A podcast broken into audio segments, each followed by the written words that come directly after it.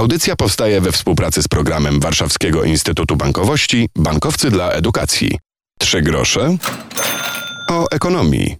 Piotr Topuliński, dzień dobry. Będziemy rozmawiali dzisiaj o naszych telefonach, smartfonach, o internecie, dzięki którym możemy w krótkim czasie pobrać filmy w wysokiej jakości.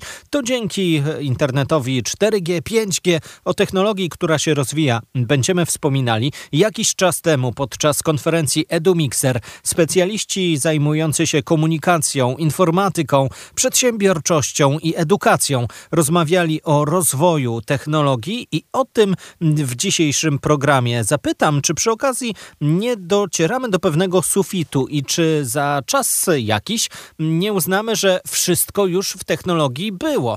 Jednak zanim te pytania, to porozmawiajmy o tym, co teraz. Granice technologii wciąż się przesuwają, zauważył podczas jednej z debat Krzysztof Sosnowski, Account Director z Ericssona.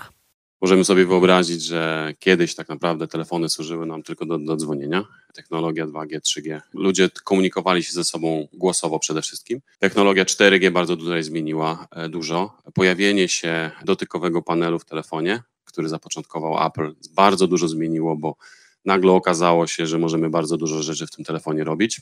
Kiedyś to była nowość, nagle mogliśmy maila przeczytać. Wcześniej to było bardzo niewygodne klikanie na takim małym ekraniku. To, z czym mamy do czynienia teraz, to jest coraz szybszy internet, który daje nam możliwość korzystania z nowych usług, ale w momencie pojawiania się technologii 5G będziemy mieli do czynienia z taką sytuacją, że producenci aplikacji będą mogli współpracować, jakby być częścią tego ekosystemu wspólnie z operatorami, dostawcami usług. I w 4G może nie było to jakoś super popularne, ale niektóre aplikacje coś takiego mają, że możecie na przykład wysłać wiadomość do kierowcy.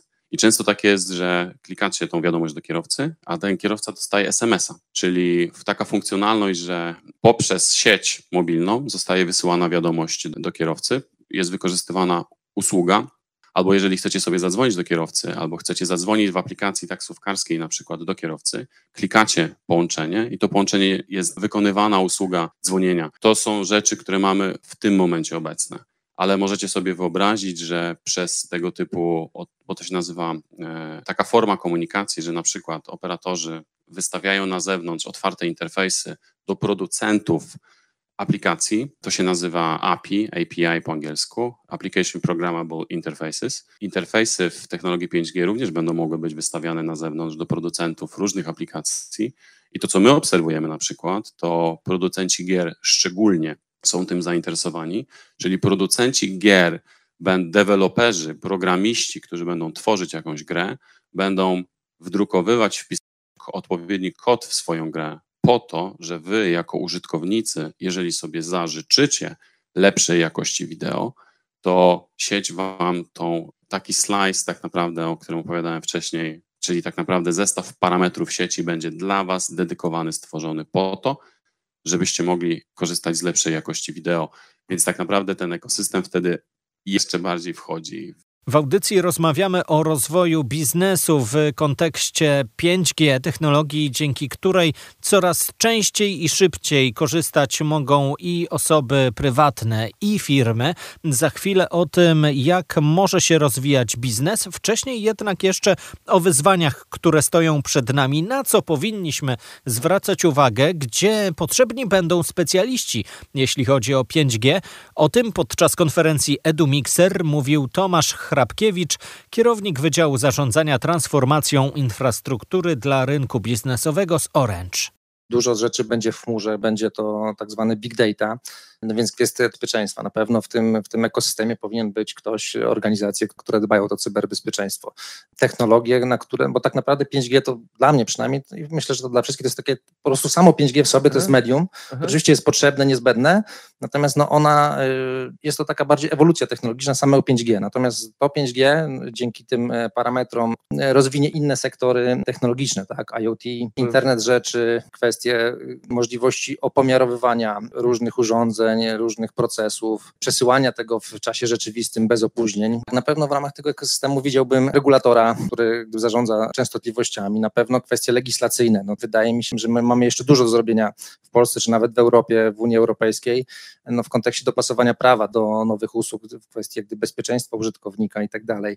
Kwestie w ogóle transformacji cyfrowej, tak? 5 ta możliwość dużej transformacji cyfrowej, kwestie finansowania tego, kwestie dopuszczenia no, oczywiście e, producentów urządzeń, ale też producentów urządzeń tych końcowych, inteligentne okulary, właśnie mhm. czujniki IoT. Rozwinęliśmy bardzo mm, ten segment IoT, mamy partnerów technologicznych w kontekście tego ekosystemu tworzymy sobie też taki, można powiedzieć, wewnętrzny znaczy ekosystem taki, który my stworzyliśmy. Mamy Orange Labs, gdzie zapraszamy i startupy, i naszych klientów, i też również często w współpracy z uczelniami studentów. To jest takie miejsce, gdzie, gdzie można testować usługi, gdzie można się zapoznać z technologią 5G. Jest tak szeroko widzę ten ekosystem. W audycji rozmawiamy o rozwoju technologii. 4G już znamy, korzystamy na co dzień. 5G pojawia się czasem na billboardach. Jest coraz więcej usług, z których możemy korzystać i internet rozwija się na naszych oczach, ale czy przypadkiem nie dochodzimy do sufitu? O tym Piotr Kuriata, członek Rady Polskiej Izby Informatyki i Telekomunikacji. I o ile 4G to była przełomowa usługa dla klientów e, końcowych, z racji chociażby tego, że ten internet zaczął być na tyle szybki, że można było wiele aplikacji stworzyć, które inaczej by nie działały, gdyby taki szybki dostęp do tego internetu, o tyle 5G, które da jeszcze więcej, jeżeli chodzi o ten obszar, ale już nie za dużo dla takich użytkowników, jak my wszyscy jesteśmy, bo co szybciej wideo nie będzie działało, bo już w większej rozdzielczości na takim małym telefoniku się nie da zobaczyć. No można używać tego 5G jako dostępu z takiego fixed wireless access zamiast e, światłowodu chociażby. Ja to nazywam światłowodem w kieszeni, ale to jest po to, żeby można było, nie wiem, na działkę pojechać, postawić sobie taki router i oglądać na wielkim ekranie mecz. Tylko, że to jest koniec, jeżeli chodzi o rozwój takiego kategorii usług do konsumentów. To jest początek drogi, moim zdaniem, do zupełnie nowych e, kategorii produktów. I to będzie się zmieniało, to będzie się coraz bardziej pogłębiało. W waszych głowach, w waszych rękach będzie leżało to, w jakim kierunku to pójdzie, bo to parametry, które będą dostępne, które już zaczynają być dostępne, mogą być wykorzystywane w sposób, który do tej pory na przykład nie był możliwy. Chociażby rzeczy, którymi my żyjemy albo z którymi stykamy się na co dzień, którymi się nie zajmujemy, ale każdy z nas wie, że jest prąd w gniazdku, ale nikt nie wie, jak to do końca działa, jak te systemy są tworzone, jak działają elektrownie, jakie są problemy związane z, z tym, jak prąd jest przesyłany, są takie pojęcia jak moc bierna, jak na fizyce może się niektórzy z Was tym interesowali, uczyli. Jak tym zarządzać, to wcale nie jest takie proste. W momencie, kiedy jest takie narzędzie właśnie jak sieć o niskich opóźnieniach, kiedy już to opóźnienie zaczyna być niższe od takiej połowy okresu prądu, da się zarządzać jednostkami, które ten prąd zużywają, tak żeby można było rzeczywiście kompensować tą moc i tak dalej. To jest taka bardzo szczegółowa rzecz, która nie była możliwa wcześniej, zaczyna dzisiaj być możliwa i takich drobnych elementów albo wielkich elementów, które, których od dzisiaj jeszcze nie wiemy, i które się pojawią, te potrzeby zostaną przez użytkowników e, w jakiś sposób zauważone, zgłoszone, albo wręcz zostanie coś wymyślone od nowa, tak jak wiele produktów technologicznych zostało wymyślone mm, po to, żeby ludzie ich użytkowali. Przykładem najlepszym jest Apple, gdzie Steve Jobs zawsze mówił, że on nie będzie dawał użytkownikom możliwości wyboru, bo on wie lepiej, co użytkownicy i jak powinni robić. Dlatego ja nie jestem użytkownikiem Apple'a, bo mam inne filozofię korzystania z urządzeń ale dokładnie w tym kierunku ten ekosystem zmierza. Znaczy przeskoczenie do nowych kategorii. Jeżeli nie mówimy już o użytkownikach takich końcowych, konsumentach, mówimy o nowych kategoriach użytkowników, którymi będą maszyny, bo to są systemy, które mhm. bardzo często będą już systemami machine to machine.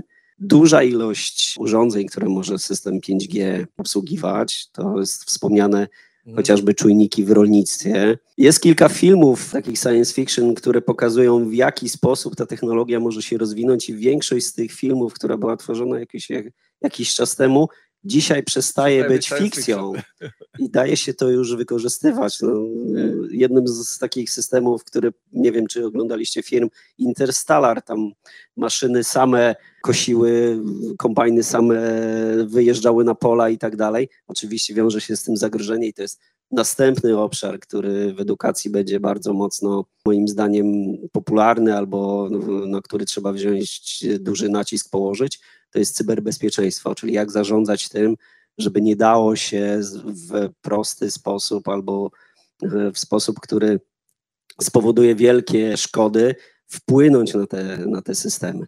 Korzystanie z tego wszystkiego jest naprawdę no, dużym wyzwaniem.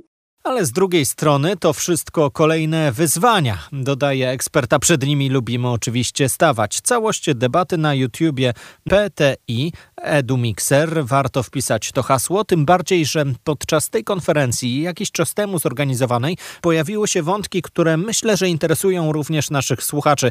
Szanse i zagrożenia dla edukacji, rynku pracy, przedsiębiorców w kontekście różnych przełomowych technologii. To o tym jeszcze będziemy wspominali.